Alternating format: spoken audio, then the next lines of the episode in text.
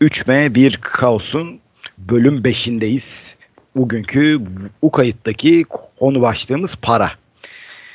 Parasız da olamıyor, paralı da olamıyor gibi bir yerde başlamayacağız.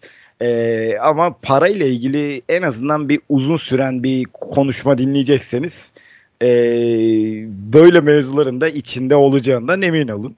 Hepimizin çünkü hakkında oluyor bunlar. Parasızlık ve çok fazla paralılık hayali.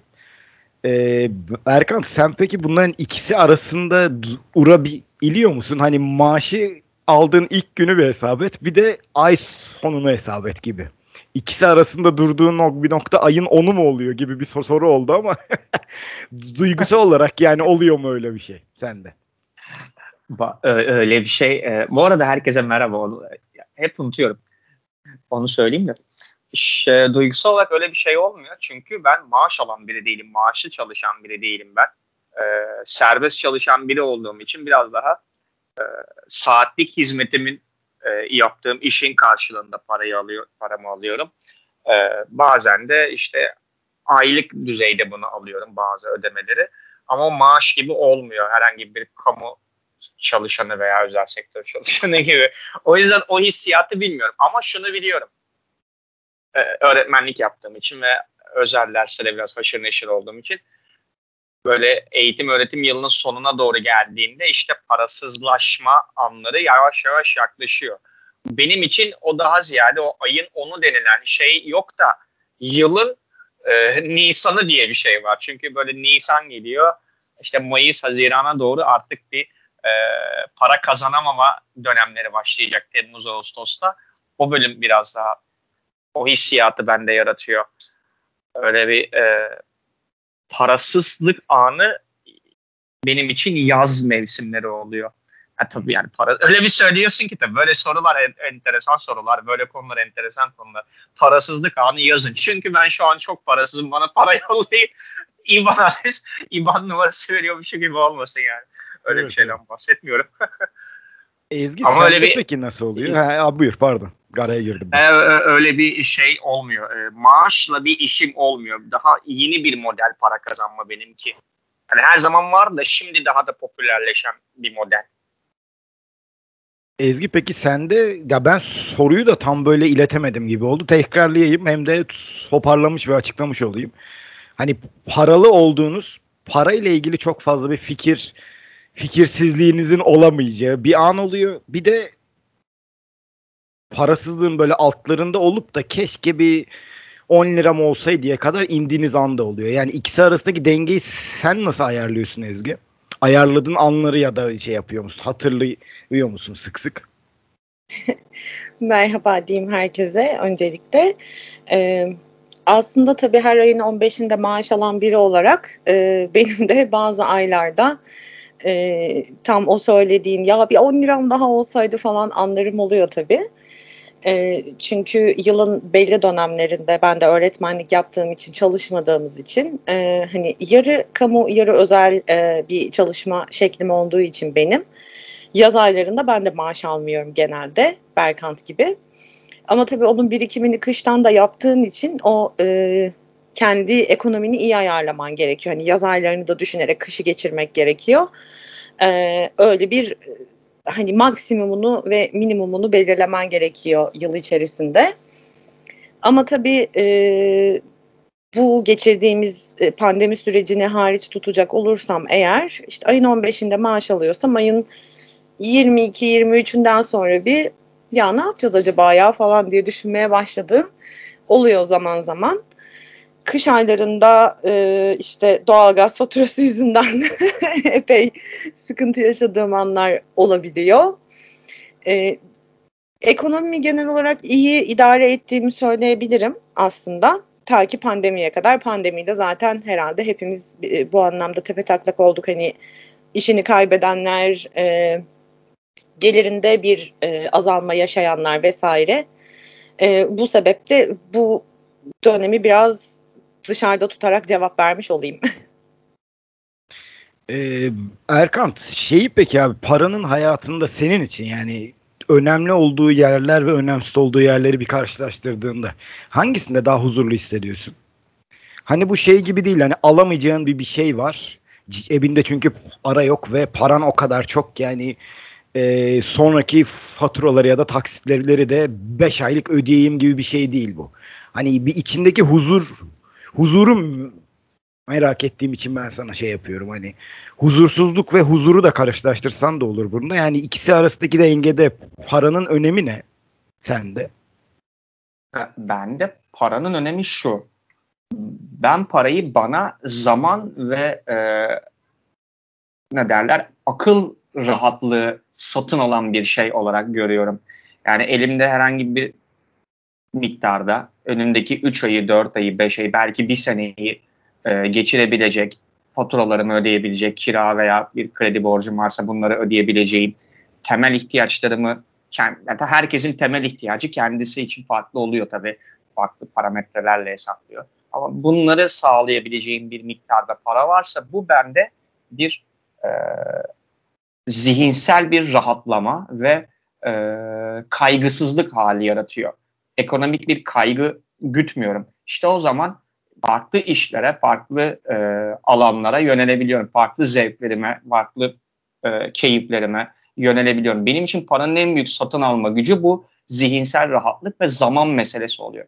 Şimdi eğri oturup doğru konuşmak lazım. Bizler burada üçümüz podcast yapıyoruz. Ha bu işe finansal bir kaynak ayırdık, ayırmadık konusu apayrı bir konu. Ama bir nebze de olsa bu rahatlığımız olmasa buraya üçümüz de her hafta gelip bunu alamayız bence. Çünkü ya şu anda bu kaydı almadan önce bile bir, bir saat, iki saat muhabbet ettik. Ee, bir toplaştık. Evet bu hafta kayıt alacağız dedik. Bu, şu saatte şu günde kayıt alacağız dedik. Bu konuyu konuşacağız dedik. Belki bu kaydı kapattıktan sonra hmm, bir, bir sonraki programda şunu konuşsak olur mu Ezgi diye soracağım. Ezgi diyecek ki bence olur ama İsmail sen ne diyorsun diyecek. İsmail de hmm, olur ama şöyle. Bunlar için bir zaman ayırıyoruz. Bir enerji ayırıyoruz. Elimizde ekonomik bir rahatlık olmasa bir sonraki faturanın kaygısı, bir sonraki ödemenin kaygısı, yarınki market alışverişinin kaygısı gibi şeyler olsa işte bunları yapamama ihtimalimiz oluşuyor. Paranın benim için böyle bir zaman ve alan ve imkanlar, e, boşluklar yaratma becerisi çok kıymetli oluyor. Paranın kendisi değil o yaratabileceği boşluklar kıymetli oluyor. Huzur dediğin şey bir miktarda bu. Çünkü o zaman kendini istediğin şekilde daha önceki bir kayıtta da galiba bunu söylemiş olabilirim. Bir Maslow'un hiyerarşisi muhabbeti. Bir nebze olsun kendini gerçekleştiriyorsun. Çok klişe bir sözcük grubu ama artık söyleyeyim yani.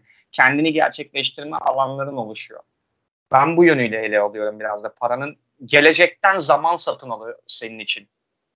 Ben benim yorumum bu yönde biraz daha. Tam ben de onu diyecektim. Klişe olacak ama parayı sen zaman satın alma olarak mı kullanıyorsun diye sen zaten en sonunda onu dedin. E, şey mi peki abi hani parayı harcadığın tek şey de senin baktığın açıda o mu? Zaman alabilmek ya da amansızlığı bir itirmek gibi mi? Doğru anlayayım diye daha da şey yapıyorum. Soruyorum ondan. Aha, aha. E, tek tek tek ölçü bu değil tabii ki de canım. E, sonuçta eğri oturup konuşurken bir takım metaları da satın alabiliyorsun. Nesneleri de satın alabiliyorsun. Bu e, içtiğin kahveden tuttu oturduğun koltuğa kadar e, kahveyi koyduğun masaya sehpaya kadar veya işte e, akşam arkadaşlarınla dışarı çıktın içtiğin biranın ve yediğin patatese kadar böyle bir meta satın alım gücü de var. Önem, benim adıma önemli parametre şu. Aldığım bu metaların karşılığında e, harcadığım parayı ne kadar zamanda kazandım? İşte aslında gelecekten bir şeyler de sat, zaman satın alıyorum demiştim. Bir takım haz verecek metalar da satın alıyorum diyorum sana. Ama şunu da söylüyorum. Meta satın alırken örneğin bir set koltuk satın alacağım. 500 lira. Ben bu 500 lirayı geçmişteki ne kadar zamana karşılık çalıştığım ne kadarlık zamana karşılık satın alıyorum diye de bir nebze soruyorum. Ama şunu da soruyorum. Bu koltuğun benim gelecekte kullanacağım zaman miktarı ne kadar? Yani bu koltuğu iki sene kullanabilirim. İkinci sene sonunda çöp olur çünkü eskirim. Veya hayır 7-8 sene kullanırım çünkü daha kaliteli bir malzemeden E ben bu 500 lirayı örnek olsun diye söylüyorum. 3 saat çalışarak kazandım. Demek ki o 3 saatlik emeğe karşılık 2 saatlik koltuk mu alıyorum yoksa 7-8 senelik bir koltuk mu alıyorum? Onun bana rahat sunacağı konfor ne ölçüde? Çünkü konforu da satın alıyorsun bir miktar. E, insan en azından ben konformist değilsem de bir miktar e, rahat olsun koltuğum diye, diyen bir tipim yani. Şu kaykılayım televizyon başında di, di, diyorsun yani. Dememek anormal geliyor benim açımdan. Yani sadece zaman değil, meta da işin içerisinde var. Kaçınılmaz olarak var. Anladım. Ezgi, e, sen peki bu hani paranın satın alabilecekleri gibi bir yere geldik çünkü şu anda. Senin baktığın açı ne burada? Hani benim Berkant'a sorduğumdan bir ilerlesek daha mantıklı. O getirdi çünkü bur- buraya. E, zaman satın alma olayı diye bir şey var. Var, var, var mıdır? Yani hani senin de baktığın açıda o yani çok mu önemli? Yani benim baktığım açıda biraz mevcut yaşam standartını e, koruyabileceğin miktarda para yeterli. E, biraz tabii hayatta kendine e, maddi olarak koyduğun hedeflerle de bağdaşık bir şey bu. E, elbette temel ihtiyaçlar ya da lüks ol, olarak görülebilecek şeyler e, çok kişiden kişiye değişebilir şeyler ama ihtiyaçlarını iyi belirlediğin müddetçe e, az önce Berkant'ın koltuk örneğindeki gibi yani hali hazırda zaten e, çok konforlu ve senin işini gören bir koltuğun varken sen ikinci, üçüncü, dördüncü bir koltuk e, hedeflemek gibi bomboş bir hedef koyuyorsan karşına o noktada birazcık tabii kendini biraz daha paralaman gerekiyor açıkçası. E, daha fazla e, tırnak içerisinde saldırgan olman gerekiyor ki o hedefe ulaşabilesin. Ama işte dediğim gibi temel ihtiyaçları ve e, lüks addedilebilecek şeyleri iyi belirlediğin noktada mevcut yaşam standartını korumak ya da bir seviye daha üzerine çıkar, çıkarabilmek için mücadele edeceğin için e, o noktada hani kafam rahat diyebileceğin miktar herhalde insan için yeterli olanı. Biraz tabii bunun içerisine açgözlülük, e, hırs gibi faktörler de girecektir elbette ama e, en nihayetinde huzur için arayabileceğiniz şey fiyat performans meselesinden çok e, biraz daha şöyle gibi hani çok büyük bir para kazanıyorsun ama çok huzursuz bir iş yerindesin. Buna değiyor mu? E, ya da çok huzurlu bir iş ortamında çalışıyorsun veya illa iş ortamı olarak düşünmeyelim. Hani özel ders veren bir öğretmen için de e, hani öğrenciyle birebir ders yapıyorsun ama o ders esnasında huzurlu musun değil misin? Belki saatine 500 lira alıyorsun, belki 50 lira alıyorsun ama o noktada kişinin hangisini tercih edeceği. Hani işe lanet olsun diyerek gitmek ya da güle oynaya gidip e, bir nebze daha az kazanmak hangisi daha mutlu eder e, tarafından bakacak olursak ben birazcık işe ben kafam rahat gideyim, severek gideyim, mutlu gideyim. Ee, biraz daha az kazanabilirim ya onu da başka bir şekilde e, telafi ederim diye düşünen taraftayım galiba. Erkan şu son söylediğinle ilgili bir şey yapıyordum da sana hani kon, kontra bir bir yerden gel gelmek için kredi kart kartın var değil mi? Kredi var. kartı. Tamam. Hı hı, var. Kredi kartı peki senin bu bir beş dakika önce anlattıklarında nerede duruyor? Yani e, söyledin ya 500 lira 1 liralık bir koltuk alırken hı hı. kaç saatlik emeğimin karşılığında alıyorum hesap ediyorum diye. E, kredi evet. kart dediğin şey gibi. Gelecekteki çalışmalarının karşılığı gibi yani şu anda elinde olan evet. bir şey değil. Kredi kartıyla alışveriş peki yaptığında da aynılarını yani hesap ediyor musun? Vallahi bu çok, çok iyi yere geldi bu. Ee, çünkü bu benim kay- kayıttan önce düşündüğüm, konuşmak istediğim noktalardan biriydi. Ee, hile zaten kartta yatıyor. Kredi kartında, kredide yatıyor. Kredi kartı dediğin şey kredi. Kredi dediğin şey güven test, telkin etmek.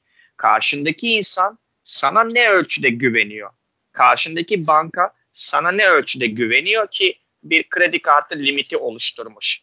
Bu biraz bununla ilgili bir durum. Şimdi şöyle oluyor. Kredi kartıyla bir şey aldığın zaman bu 500 liralık bir koltuk örneği verdim. 10 bin liralık telefon olabilirdi. 30 bin liralık çok daha büyük bir işte alım da olabilirdi fark etmez. Şunu ölçüyorsun aslında. Banka seni şöyle konumlandırıyor. Sen bu 30 bin lirayı şu güne kadar yaptığın mesleği devam ettirerek gelecekte de kazanabilirsin. Yani şu güne kadar bu parayı kazandın. Tamam çok iyi. Ve bunu bir süre daha yapabileceğine de inanıyorum. Tamam çok güzel. O yüzden de henüz kazanmadığına rağmen ben sana bunu vereceğim diyor. Kredi kartının esprisi, bankanın esprisi bu. Ve ben bu bunu sadece bankalar yapıyor demiyorum. Bütün toplum aslında birbirine böyle kredi açar. Yani aslında sevdiğimiz insanlara da, güvendiğimiz insanlara da bu şekilde kredi açarız. Hani öyle bir laf kesin duymuşsunuzdur arkadaş arasında. Rahatsız edici veya değil. O kişinin bende kredisi var. Yani ona güveniyorum anlamında söyleriz. Kredi kartında da ben öyle yorumluyorum. Bu sadece hani bankanın bakış açısını kullanıyorum. Çünkü bankanın e, kölesi oldum değil aslında durum burada. Mevcut ekonomiye yaklaşımımız yani birkaç yüzyıldır ekonomiye böyle birbirimize güvenme meselesi olarak bakıyoruz. Yani birbirimizin gelecekte hala çalışmaya, üretmeye devam edeceğine güvenerek e, devam ediyoruz hayatlarımıza. Ya işte şu kişi hala bir takım kitaplar yazmaya devam edecek. Bu insan araştırma yapmaya, bu insan ayakkabı üretmeye, bu insan e, atölyede bir kıyafet dikmeye devam edecek. Berkant matematik anlatmaya devam edecek vesaire diye. Bir güven telkinleri ağı var. Kredide böyle o sen o ağın içerisinde bir parçasın. Ve bankanın da sana yaklaşımı, kredi kartının da sana bana yaklaşımı bu. Benim düşüncem bu yönde. Sorduğumdaki ama bu değildi. Hani güven duyduğu için ya da duymadığı için olayı yoktu. Hani yani Zaman, sana 500 liralık kol koltuğu kredi kartıyla alırken de mi e, bu benim kaç saatlik çalışma emeğim diye akıyorsunu ben aslında. Ha, bakıyorum tabii tabii. Tabii bakıyorum. En baştan onu verili kabul ettim ya onu bakıyorum. Onu eklemediysem o benim hatam. Söylediklerimin temelinde bu var. Aynen öyle bakıyorum. Yani ben önümüzdeki 10 yılda, 10 e, yıl mesela abartılı oldu. Sanki kredi çekip yat alıyormuşuz gibi oldu 10 yıl. Önümüzdeki 3 yıl, 3 ay içerisinde ben çalışmaya devam edeceğim. Gelirim akmaya devam edecek ortalama olarak şu meblağda bu meblağda. Ve 500 yıllık bir koltuk benim 3-4 saatlik emeğim. Peki yanına ben diyelim ki 200 liralık da bir masa lambası aldım. Bu da benim şu kadar zamanlık emeğim. E o zamanı da hesap ediyorum. Yani aslında harcadığım parayı geriye getirebilmek için, kendime getirebilmek için gelecekte kendimi ne ölçüde e, belli bir zaman diliminde bir yerde çalışmaya e, bağımlı kılıyorum kendi kendimi. Bunu düşünüyorum tabii ki de. Düşünmek durumunda kalıyorum. Ezgi peki sana da aynısını sorayım. Ee, kredi kartın var değil mi? Kredi kartı kullanmıyorum. Kullanmıyorsun ama Kullan... kullandığın bir, bir dönem oldu mu hiç hayatında? Kullandığım bir dönem oldu. Ee, yani çok benlik bir iş değil o. Hani kullandım ve işte başıma bir sürü şey geldi diye değil de e, baktım ki çok saçma. Hani geleceğe dair sürekli borçlanıyor olmak falan. Ee, çok acil durumlarda hala tek çocuk olmanın avantajıyla babamın kredi kartını kullanıyorum. Ben ödüyorum sonra taksitleri ama e, bana ait adıma bir kredi kartı yok şu anda. Tamam. Kredi kartıyla yani bir en azından haşirini eşirsin hala. Evet ee, tabii. Zorunda da olsan. Peki Erkant'ın baktığı gibi mi şey yapıyorsun sen de ona hani 500 liralık koltuk örneğindeki gibi hani bu benim belli saatte arasındaki çalışmamın karşılığı olan para ve ben bunu gelecekte ödeyeceğim diye karttan bu işi hallediyorum gibi gibi mi algılıyorsun ya da alacağın şeye çok ihtiyacın var ama yani bir o zaman maaş maaşını alamamışsın başka borçların varmıştır onları ödemişsindir ve yoktur sende ee, alınması lazım olan bir, bir şeyleri mi alıyorsun kartla aslında şöyle, e, çamaşır makinem bozulmuştu mesela. Nakit parayla onu alamayacağım için hani birdenbire o parayı böyle trink diye e, veremeyeceğim ya da işte yaz dönemini düşündüğüm için o birikimi oraya e, kullanmak istemediğim için e, çok büyük meblaları e, işte hani buzdolabı, çamaşır makinesi vesaire gibi büyük meblağlı şeylerin alışverişini kredi kartıyla yapmayı tercih ediyorum.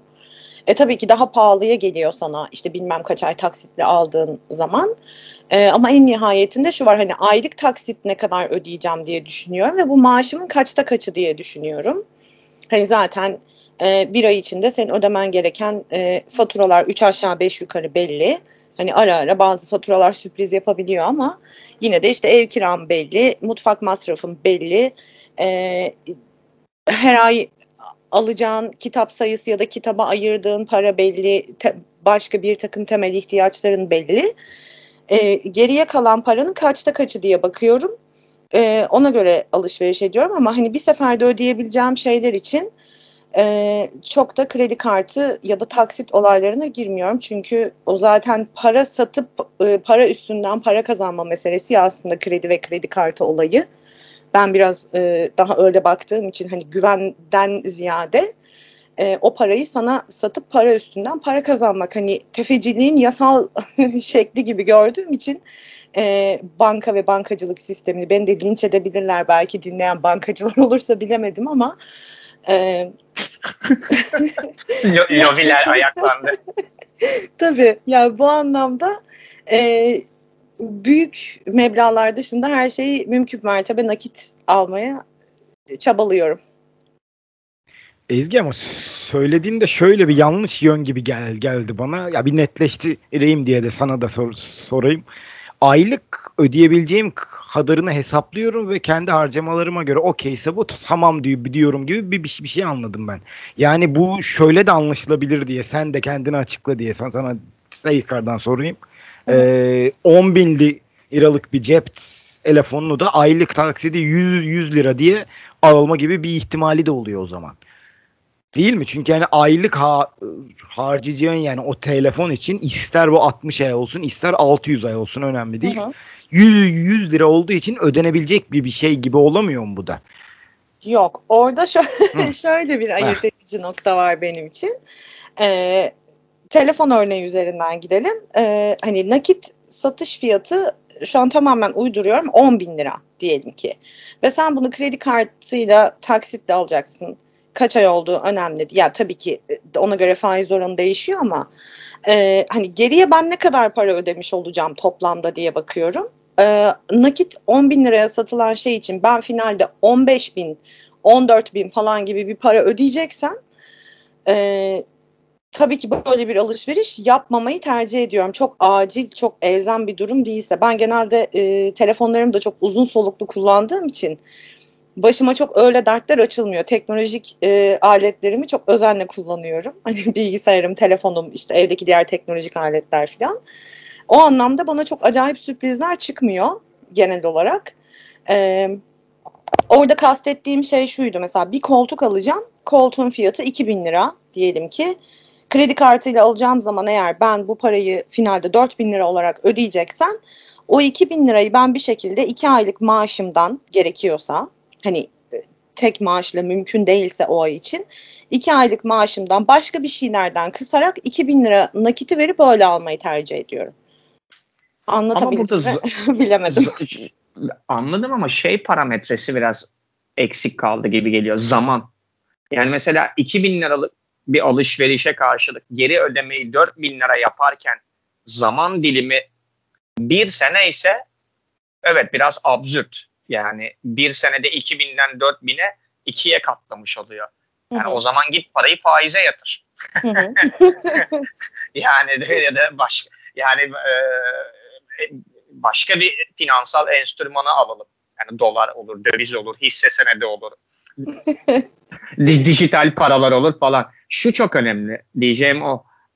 2000 liraya karşılık 4000 lira ödeyeceksin ama bu 5 senede oluyorsa tabii 2000 liralık kredi çok absürt bir komik bir sayı oldu şimdi. 100 bin lira falan demek gerekiyor. 100 bin liraya karşılık 200 bin lira ödeyeceksin Berkant veya e, Ezgi deseler, İsmail deseler. E, 100 bine karşı 200 bini ben 5 senede ödersem çok yıpratıcı olmayabilir. Tabii burada 5 senede ülkenin enflasyonu ne olacak, şu ne olacak, bu ne olacak gibi bir, bir, bir dolu başka şeyler geliyor. Yani ödemek istediğim zaman da önemli bir parametre burada. Yani Elbette. tek boyutlu olmuyor demek istedim. Elbette ama ben hani bende sistem genelde şöyle işliyor. Biraz daha o anneannem kafası gibi gelecek muhtemelen dinleyen herkese ve size de. Ee, ama hani ben böyle uzun süreli bir yere birine borçlu kalmaktan çok hoşlanan biri değilim. E, varsa harcıyorum yoksa harcamıyorum o dümdüz mantık yani hani biraz işler ben, Merkantalizm. Merkan, mer, merkantalizm. ben de 18'e işler böyle işliyor biraz evet. Kaçıncı yüzyılda bu? 17 mi? 18 mi? Merkantilizm böyle para varken harcıyoruz yoksa harcamıyoruz. O zaman Tabii yeni yoksa oturuyoruz tabii. Annemle Ama- tanıştırayım seni. Şöyle bir nokta var yalnız vade farkı söz konusu değilse yani 10 bin lir- liralık telefonu kartla aldığınızda da 10 bin lira ödeyeceksiniz. Onu yani 60'a böldürüp ya da Hiç 100, affetmem. 100'e böldürüp falan ha işte bahsettiğim oydu zaten. Affetmem. işte bak. O yüzden dedim hani aylık ödeyebileceğin rakam eğer uygun bir iş bir şeyse normalde şak diye 10 bin lira ödeyemiyorsun ya. Hı hı. Ama ay ay yüz yüz sürünerek böyle hani sürünerekten kastettiğim o da uzun olduğu için öyle diyorum. Süründürerek hatta yani yüz yüz ödemek çoğu bir insana okey gelir gelen bir şey. Zaten hani kredi kartsız hani e, bazı büyük fir, fir firmaların da yaptığı ki, ki bu eskiden de vardı. Senet üstünden de hallediyorlardı bunu. Özellikle hani ev için, çeyiz için gibi. Hı hı. Buzdolabı ıvır zıvır alınırken de bu oluyordu. Onlarda vade farkı çok oluyordu ama. Şu ankinde bazı belli şeylerde o kadar yok. Ee, taksite de bağlı da bu tabii ki de. Yani ben Ezgi özellikle hani sana sor, sorduğum oydu aslında. Vade farkı yoksa eğer e, 10 bin liralık e, ve çok da bir ihtiyacın olamayacak bir şey. yi sen gene de alır mısındı? Kahkaha atarak evet dedin ona zaten değil mi? ya çok ihtiyacım değilse yani e, hakikaten elzem bir ihtiyaç değilse almam onu aslında. Şöyle de saçma bir şey var. Mesela az önce bahsettiğin şeyi ben ev değiştirirken tecrübe etmiştim. E, hani kredi kartı olmadan taksitle alışveriş yapabileceğim bir yerden e, çamaşır makinesi almıştım ben. E, kaç 36 ay mıydı taksit 24 ay mıydı tam hatırlamıyorum onu şimdi net rakamı ama böyle bir bir sene geçtikten sonra artık o kadar sıkıldım ki o, o orada bir taksit var ve işte şu kadar kaldı falan diye düşünmekten çok sıkılıp sonra gidip ben birdenbire borcun tamamını kapatmıştım. E, Böyle saçmalıklarım var benim. Hani ben kaydın en başında ekonomiyi çok iyi yönetiyorum falan dedim de arada böyle saçmalamalarım çok meşhurdur benim esasen. Hani git işte öde yani bir sene daha ne kadar kaldıysa aydan aya taksitini öde falan ama hani orada da şöyle bir güzellik olmuştu. Toptan bir e, taksiti tamamen borcu tamamen kapatma durumu olduğunda da yüzde bilmem kaç falan indirim olmuştu. Ve ben hani o, o taksit fikrini beynimden söküp attığım için çok rahatlamıştım mesela. Hani zar, maddi olarak zararlı bile çıkmış olsam o ayak bağından kurtulmuş hissetmek beni mutlu hissettiriyor aslında. E tabii yani çünkü hani yıl, yıllarca ödediğin veya aylarca ödediğin ve aylarca da ödeyeceğin bir bor, borçtan tık diye bir kurtulmak olayı tabii çok rahatlatıcı bir şey. Aslında huzur bu herhalde. Evet. evet. Parasızlık ama bor, borçsuzluk da. Tabii, Borçsuz har, parasızlık hatta yani. tabii. Evet. Ne Kredi kartı mevzusunda peki yani bu Ezgi ile bizim ko- konuştuğumuz olayda senin baktığın açına nasıl? Berkat'cığım. Evet evet. Hani şey yani vade farkı yoksa çok da ihtiyacın olamayan bir bir şeyi aylık taksidi uygunsa diye alır mısın? Kart. Almam. Ya, hayır almam. Yani şöyle e, satın alma konusunda herhangi bir şey satın almadaki birinci parametrem para değil benim.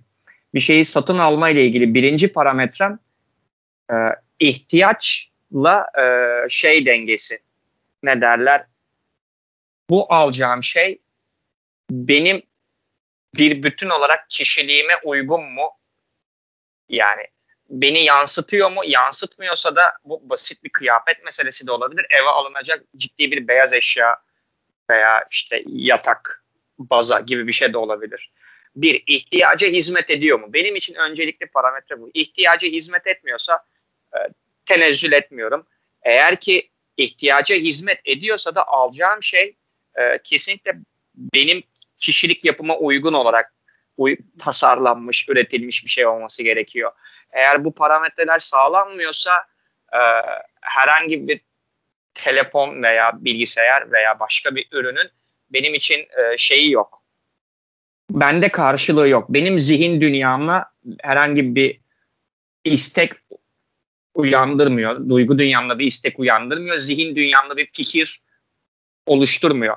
Ama alacağım bir şey eğer ki benim ihtiyacımsa ve benim tasar hakikaten tasarımı itibariyle, kullanışı itibariyle bana hizmet ediyorsa işte o zaman biraz gözümün döndüğünü, e, içimdeki küçük e, kendisini kapitalizme kaptıran e, sersem herifin ortaya çıktığını söyleme gerekiyor. Bunu itiraf edeyim. İşte o zaman biraz gözüm dönüyor. Yani vade farkı oluyor mu, olmuyor mu, bu beni yıpratır mı, yıpratmaz mı? O zaman işte biraz gözden kaçırabiliyorum. Orada bir kayış kopuyor. Öteki türlü bana desen ki şöyle şöyle bir e, ürün var. Yani bir, çok seveceğim bir bilgisayar. Ben bilgisayarı seviyorum biliyorsun.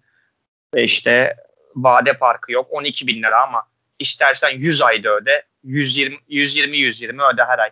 Ya 120 lira beni ayda zengin de etmez, fakir de etmez muhtemelen ama e, benim ihtiyacım değil ki o bilgisayar şu an itibariyle. Ama diyelim ki bir tablet, grafik tasarım yapacağım. E, grafik tableti. Diyelim ki ihtiyacım var.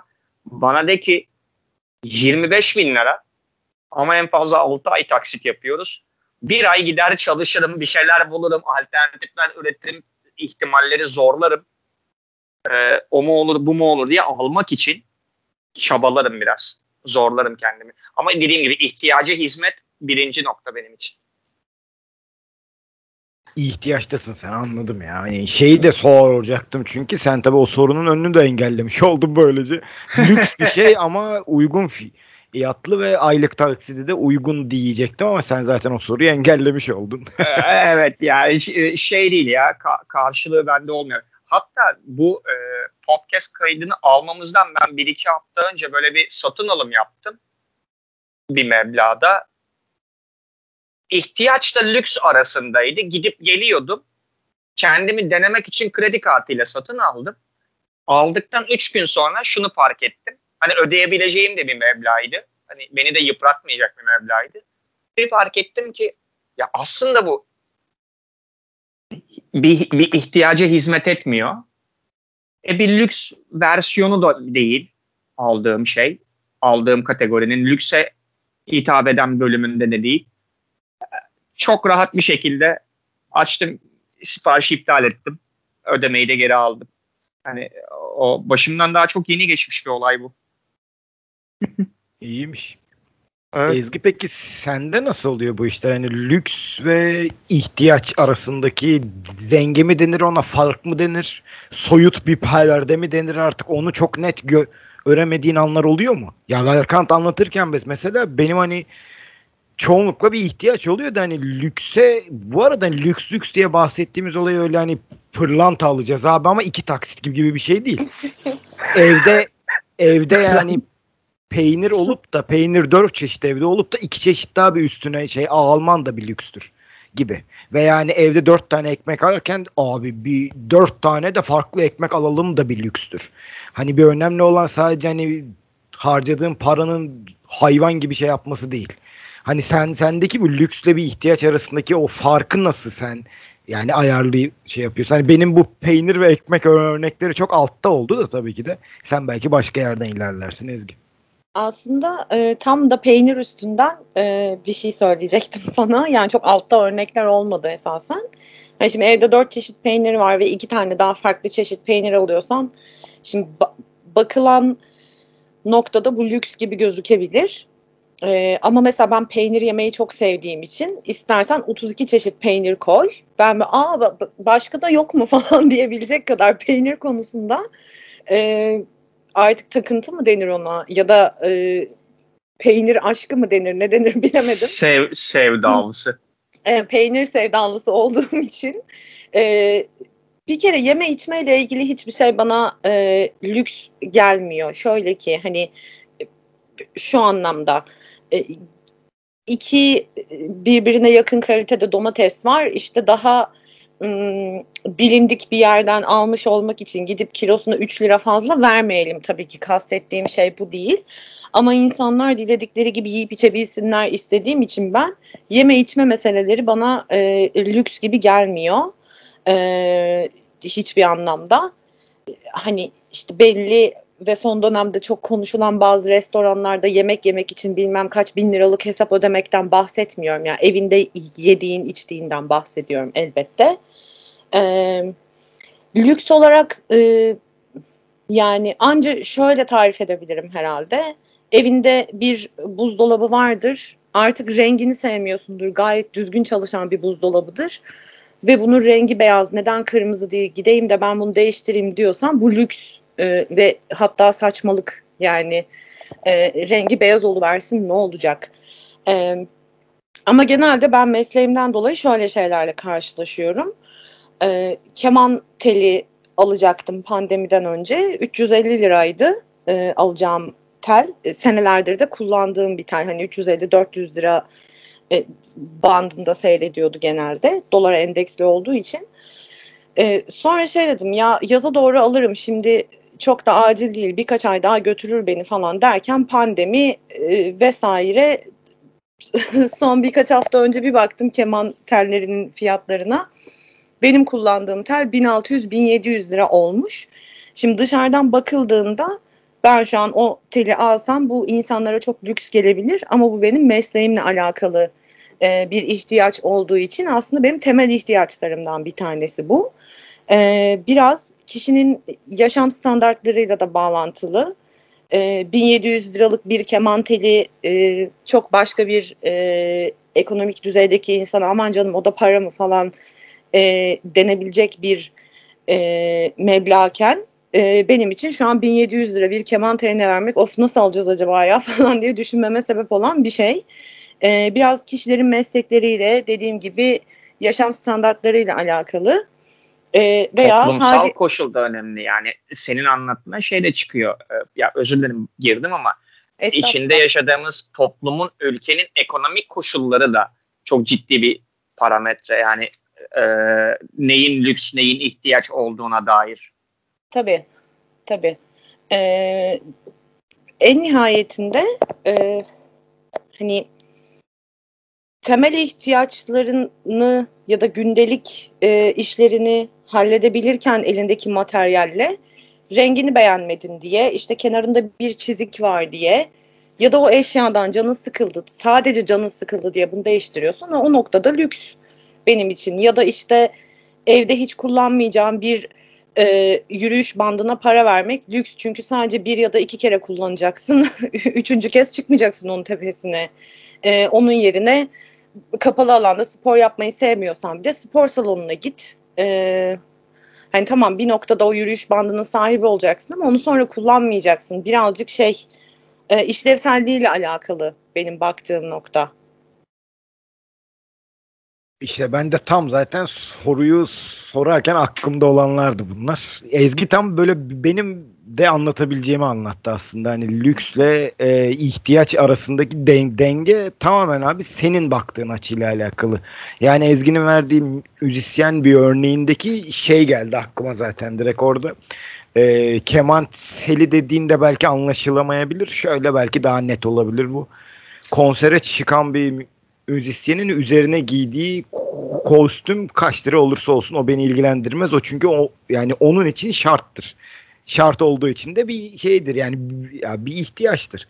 E tabi yani bir 50 bin liralık bir elbise belki abartılı olabilir. Ama sa- sahnesinden yani o kişi 20-25 bin lira bir alıyorsa tek gecede e tamam yani 50 bin liralık da gibi bir giyecek o gibi. Yani Erkan peki yani böyle bakmamız e, çok mu bencilce ya da objektiflikten mi inanılmaz uzaklaşıyoruz? Ki objektiflikten eğer uzaklaşıyorsak toplumdan da uzaklaşmış olduğumuz için bizim için lüks ve ihtiyaç bir ayrımı milyonlarca bir insan için böyle olamayacaktır değil mi? Valla bana e, be, bencilce mi değil mi konusuna ben şöyle düşünüyorum. E, lüksle ihtiyaç arasındaki neyin lüks, neyin ihtiyaç olduğuna kişisel parametrelerden bakmak bana sorarsan bencilce değil. Ancak ben daha enteresan bir şey iddia edeceğim. Ben kişisel parametrelerin, kişisel bakış açılarının e, gerçekten ne kadar kişisel olduklarını sorguya açmak istiyorum. Yani ne kadar safi ölçüde bizzat İsmail olabilirsin ve Ezgi ne kadar saf anlamıyla Ezgi olabilir ve ben ne kadar Berkant olabilirim kendi başıma, kendi özümü ne kadar bir özüm varsa yansıtabilirim ki. Ben daha ziyade bu lüks ve ihtiyaç başka bir konuda da olabilir. Bakış açılarımızın kendimizin oluşturmaktan ziyade toplumsal ilişkilerin, toplumun genel durumunun, toplumdaki çeşitli yapıların yani bu yapı devlette olabilir, sivil toplum kuruluşları olabilir, dil olabilir, din olabilir, etnik meseleler olabilir. Bunlar tarafından inşa edilmiş olduğuna işaret etmek istiyorum. Yani ben bir ölçüde toplumun da inşa ettiği bir insanım. Toplumsal e, bir e, üretimin sonucu diye Berkant diye bir insan var ve İsmail var, Ezgi var. Ya bu tamamen hani tamamen toplumun oluşturduğu varlıklarız demiyorum. İşte o yüzden lüks ve ihtiyaca arasındaki ayrıma kişisel bakış açımızdan baktığımızda bencil olmuyoruz aslında. Çünkü zaten bizim bencilliğimiz ve bizim benliğimiz toplumun içerisinde şekilleniyor. Çünkü toplumla beraber yaşıyoruz. Sabah metroya biniyoruz, akşam eve gelirken manava uğra- uğruyoruz. Ertesi gün kız arkadaşımızla, erkek arkadaşımızla buluşmak için bara gidiyoruz. Barda e, tanıştığımız barmen var, onunla muhabbet ediyoruz. İşte geri eve geri dönerken taksiye biniyoruz, şu oluyor, bu oluyor ve bu, bu insanlarla fikirlerimizi paylaşıyoruz, bilgilerimizi paylaşıyoruz. Ee, onların yaşadıkları hikayelerden ve serüvenlerden etkileniyoruz. Biz onları etkiliyoruz. Doğal olarak artık Berkant odasının içerisine kapanmış ve sadece matematiğiyle ve okuduğu şeyle Berkant olmuyor. Etkilere açık bırakıyor kendini. E siz de öyle yani Berkant genel öylesini söyleyeyim bir örnekte. Demek ki lüksle ihtiyaç arasındaki o perde dedim. Sen ona perdeyi çok sevdim. Güzel bir ö, sözcüktü o. O perdeyi biz tek başımıza inşa etmiyoruz. O ister şeffaf bir perde olsun. Yani şeffaf olduğunda lükslerle ihtiyaçlar tam birbirine örtüşüyor olsun. Ya da tamamen kopkoyu, simsiyah, ışık geçirmez olsun lüksler ve ihtiyaçlar birbirlerinden bağımsızca şekilleniyor olsun. O perdeyi ne biz kendi başımıza oluşturuyoruz ne toplum e, tek başına oluşturuyor bizim için. Karşılıklılık ilişkisi var gibi geliyor bana. O yüzden bazen şaşırıyorum kendime bir şey satın aldığım zaman. Az önce söylediklerimle biraz çelişiyormuş gibi olsa da onun farkındayım. Şunu düşündüğüm oluyor bazen. Bunu ben Berkant olduğum için mi satın aldım? Yoksa toplumun inşa ettiği Berkant'a hizmet ediyor olmak için mi bunu satın aldım diye sorduğum oluyor kendime.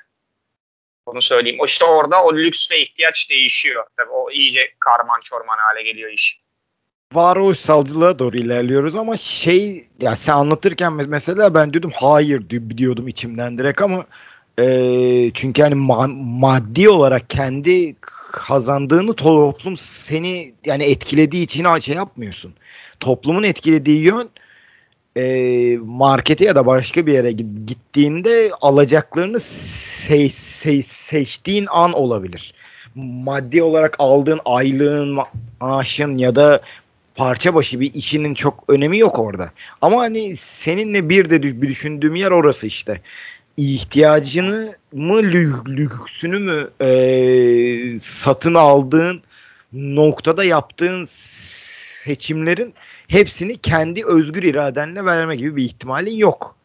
Doğrusun evet, orada yani. Bence de evet. bence de öyle. Ama maaşın çük kadarsa zaten senin o lüks ve ihtiyaç arasındaki den- dengen de yoktur. Toplum tabii, seni tabii. istediği kadar etkilesin. Toplum seni etkiledi diye e, aylık askeri ücretten çok daha az maaş alan bir herhangi bir insanın Mercedes falan aldığını ben hayatımda hiç şey yapmadım mesela. Keşke ama, öyle ama, bir toplum olsa da bir etkilese. ama orada bir şey söylemek istiyorum. Çok provokatif bu, e, bu, bu saat bu, bu dakikaya kadar dinleyen insanları provoke etmek için söylemiyorum bunu ama e, benim kişisel gözüm kaba olacak söylediğim şey bir, bir ölçüde ama bir toplumsal bir hastalık yaşıyoruz hep beraber bütün dünya olarak. 3 bin lira kazanıp 4 bin liralık yaşamaya çalışıyoruz. 4 bin lira kazanıp 5 bin liralık yaşamaya, 5 iken 6 diye bir dominot etkisi var. Ve o 3 kazanıp 4 yaşamaya çalıştığımızdaki o eksi biri kredi kartıyla veya kredinin kendisiyle veya senetle veya uzun vadeye yayılmış satın alımlar aracılığıyla kapatmaya çalışıyoruz e, diye düşünüyorum ben. Bunu çok güçlü bir iddia olduğunu farkındayım. İstisna hepimiz bir, bir yerde bir şekilde yapmış oluyoruz. Bir gün içimizden hepimiz şunu diyoruz. Ya normalde şunu almam ama bugün alacağım ya da normalde şu akşam yemeği için şuraya gitmem ya da şu arkadaşlarla şu bireyi içmem ama içeceğim diye o akşam ya da rakı olur, şarap olur neyse ne önemli değil. O anda bir kayışı koparttığımız nokta hepimizin hayatta geliyor başına. O, o kadar olmayacak bir şey, olmayan bir şey değil. Yani asgari ücret kazansan da böyle 50 bin lira da kazansam böyle 150 bin lira da kazansam böyle. Çünkü bu bu tür bir hırs ve güdü var ki adam Mars'a gitmek için uğraşıyor diyorum ben. Benim iddiam bu. Çünkü adamın trilyonları var ve uzay turizmine, yani dünya turizmi bitti, uzay turizmine doğru hareketleniyor. Demek ki o da 2 milyar dolarlık serveti var ama 2,5 milyar dolarlık servet gibi yaşamak istiyor. Böyle, böyle bir atılım hali bence kaçınılmaz var. Çok güçlü bir iddia oldu bu. Tabii karşı çıkışlar olacaktır yani. ne dersin Ezgi Velvekant'ın son anlattıklarına dair? Aslında ben e, şuradan başlamak istiyorum. Hani lafının en başında dedi ya belki çok e, provokatif bir örnek olacak diye. Bence az bile söyledi. Neden diyecek olursanız. e, Teşekkür hani, ederim. Rica ederim. E, 3 bin lira kazanırken 4 bin liralık e, yaşamaya çalışmak gene bence çok iyimser bir örnek oldu. 3 bin lira kazanırken 6 bin liralık yaşamaya çalışıyoruz biz. E, genel olarak yani Türkiye özelinde söyleyecek olursam. E, hani öğretmenlikte yaptığım için çok fazla insanla haşır neşir olduğum için bu benim de gözlemlediğim şeylerden bir tanesi. Ama bir noktasına sadece katılmıyorum. O da şu. E, şimdi 3 bin liralık kazanan e, kişi 4 bin liralık yaşamak zorunda kalıyor. Ama 50 bin lira kazanan kişi 51 bin liralık yaşamayı tercih ediyor. Bunun ikisinin arasında çok ciddi bir fark olduğunu düşünüyorum. E, çünkü 2000 lira kazanırken e, bir de işte çoluğun çocuğun varsa işte ev geçindiriyorsun. Evin kiradır zaten muhtemelen. E, temel ihtiyaçların var. E, çocuğunun okul masrafları var falan filan derken zaten 2000 liralıkken sen 6000 liralık bile olmak zorunda kalıyorsun. Ama adamın trilyonları varken işte dünya turizmiyle yetinmeyip hadi ben canım sıkıldı azıcık da Mars'a gideyim diyor olması ad adamda çok ölümcül sonuçlara sebebiyet vermiyor kapsül patlamadığı sürece. hani pek çok insan onun için dua eder hale gelmiştir. İnşallah kapsülün patlasın ya Rabbi falan diye.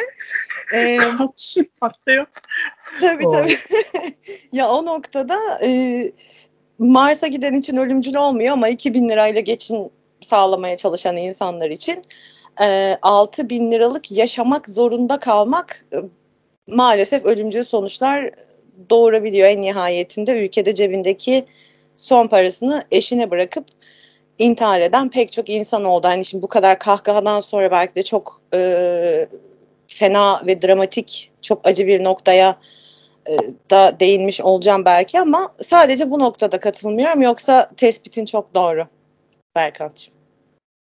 Sınıfsallık meselesine dem vurmuş oluyorsun kaba tabirle. Yani Tabii. 3K, 3, 3 bin lira yerine 4 bin lira 50 bin lira yerine 51 bin lira arasındaki farkı mecburiyet ve tercih diye formülize ettin ki güzel bir formül, bu. Ben bunu düşünmemiştim dürüst söyleyeyim.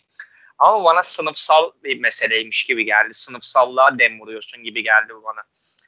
Ha, tabii bunu inkar edecek ya da reddedecek. Hayır böyle bir sınıfsal bir dünya yaşamıyoruz diyecek halim yok yani. Bu açık bir şekilde ortada. İs ne diyor bakalım? Yani ben katılmıyorum. İkisinin de hem zorunluluk olabileceği hem de e, tercih yani olabileceğindeyim. Aylık 3 3 bin lira alacağı bir işi yani yapacağı yıllar öncesinden belli olan herhangi bir insanın çocuk sahibi olurken de bir aklında bu 3 3 bin lira olacaktı. Ondan sonra çocuğum var masraflarım artıyor ıvır zıvır diyerek 6 bin liralık aşaması bir zorunluluk olamaz bence. Aynı mantıkla 50 bin liralık e, kazancı olanın da 51 bin liralık aşaması aynı şey olabilir. E, yani bunun tercih ya da bir zorunluluk olma kıstasında bence böyle net bir ayrım yok. E, yani yani ben sizin baktığınız şeyi de anlıyorum. S- sınıfsal olarak bir ilgileniyorsunuz. Ama hani birine zorunluluk deyip alt e, seviyedeki bir insanların sanki buna zorunluluk aldığına yönelik bir göz gözlem de bana birazcık itici gel geliyor. Haddini aşan bile olabilir hatta. Erkant'cığım yani yani aylık maaşımız kadar e, seçim şanslarımızın olduğunda hem fikirim tamam. Ama 3000 lira 1 liralık adamın zaten hayatının hani şu anda mesela ben diyelim hani bir 3000 lira alıyorum. Bundan sonraki 5 yılımda da ben bir 3000 alacağımdan eminim. Yani 5 yıl sonra ben 6000 lira e, harcayacağım bir öngörüsüne kapılmam bana çok büyük bir ayılık gibi abi geliyor. Ya kendimi tanımamamla ya yaptığım işin karşılığını bilmememle falan alakalı gibi. Gene bir beyin, beyincil olabilir. Ee. O objektif olamayabilir ama kesinlikle bir zorunluluk değil bu bence. Ee, şöyle aslında benim gördüğüm kadarıyla Ezgi şuna işaret etmek istedi. Toplumsal olarak bazı şeylerin e, ekonomik olarak yolunda gitmemesi, ekonomik bazı şeylerin yolunda gitmemesi ve işte enflasyon ve e, gelirin adaletsiz dağılımı gibi e, toplumun birçok kesiminde hissedilen problemlere vurgu yaptı. Ama senin dediğin kısımda çok temel bir nokta. O biraz kendilikle ilgili bir şey. Kendini tanıma ve kendi geleceğini kestirebilmek, biraz olsun öngörebilmek. Yani hani bundan 5 sene sonra olacağın yeri mutlak ölçüde iyi bırak. Belki %50 bile bilemiyorsun da ama dediğin doğru. Yani sen 3 aşağı 5 yukarı 30 yaşına gelmiş ve aylık 4 bin lira bir meblağ kazanıyorsun. Bundan 5 sene sonra 20 bin lira ayda kazanacak olduğunu kazanacağını kestirmek biraz hayalperestlik. Yani kazanabilirsin ama mesleğine de iyi bilmen lazım. Mühendissindir, yeni işe başlamışsındır. Yükselme ihtimallerin vardır ya da işte akademisyensindir. Ee, atıyorum araştırma görevlisi olarak başlamışsındır. Yukarıya doğru ivmelenme ihtimalini gözetetsin ve dersin ki tamam.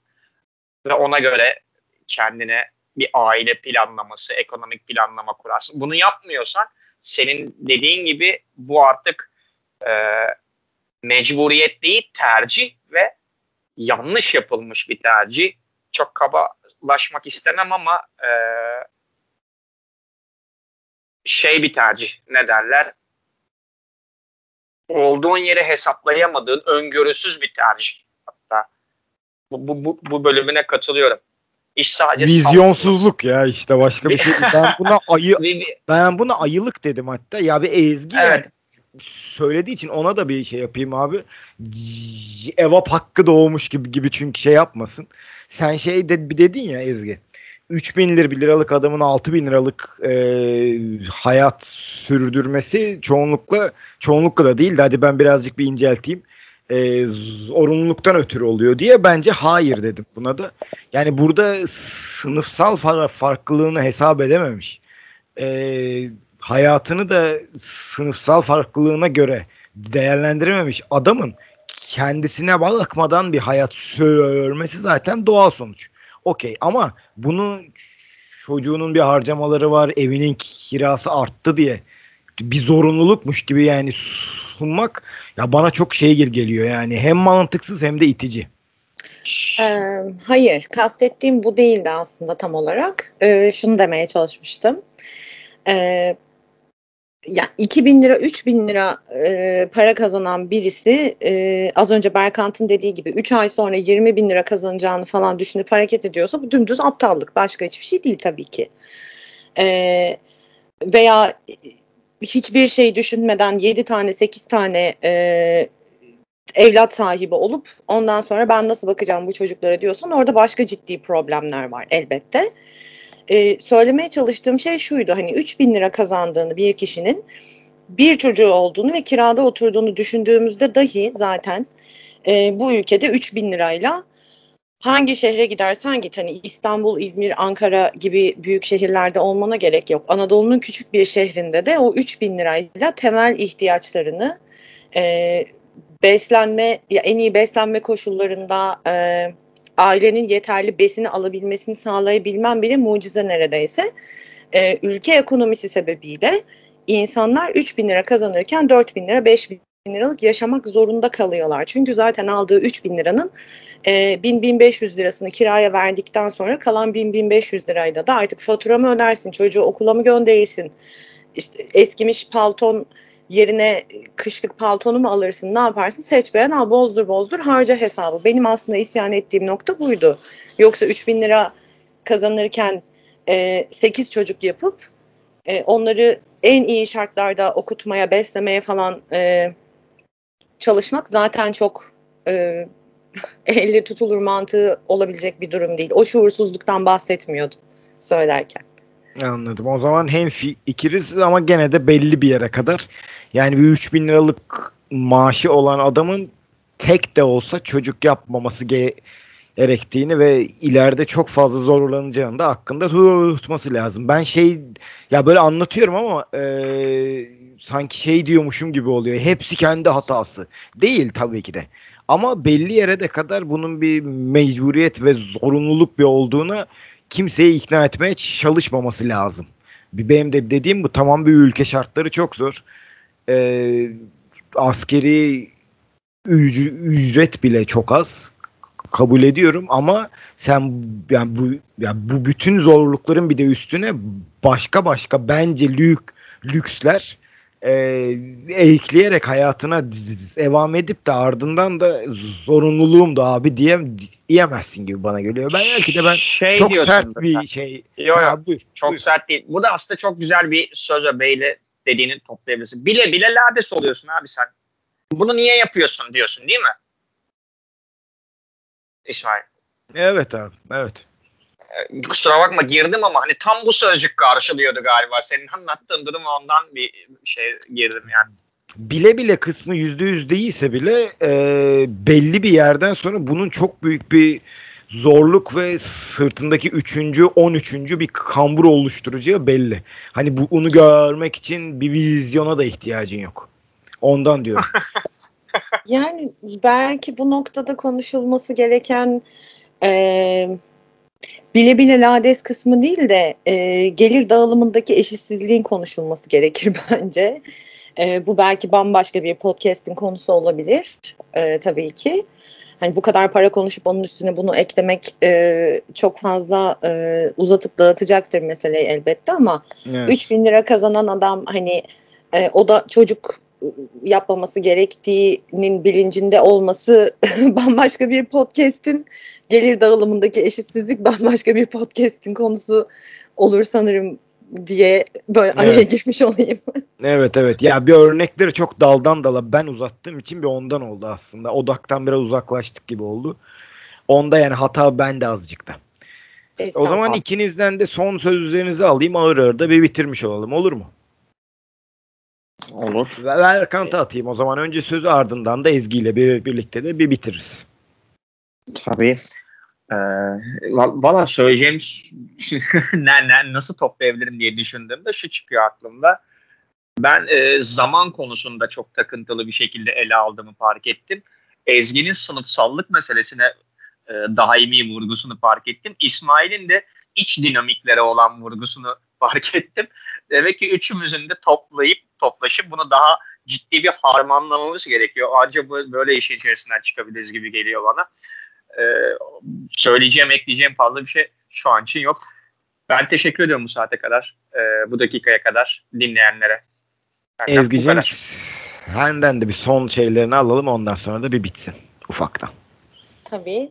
Ee, benim baktığım nokta Berkant'ın dediği gibi daha böyle bir sınıf vurgusuyla harmanlanmış bir e, düşünce sistemi gibi. E, birazcık hem yaşam standardı hem temel ihtiyaç hem lüks açısından o çok klişe cümleyle hani gereksizse söndürün yerine gereksizse almayın diyerek ben böyle bir kamu spotu gibi e, final yapmış olayım. Ee, onun dışında umarım herkes e, emekte belki daha sonra konuşulur ama herkes emeğinin karşılığını alıp e, yaşam standartlarının altına düşmeden e, insani standartlarını e, koruyabilerek yaşamına devam eder. Tek e, umudum ve dileğim bu. Ben e, dinleyen herkese çok teşekkür ediyorum. 3M bir kaos. U bölümü de burada bitmiş oldu efendim.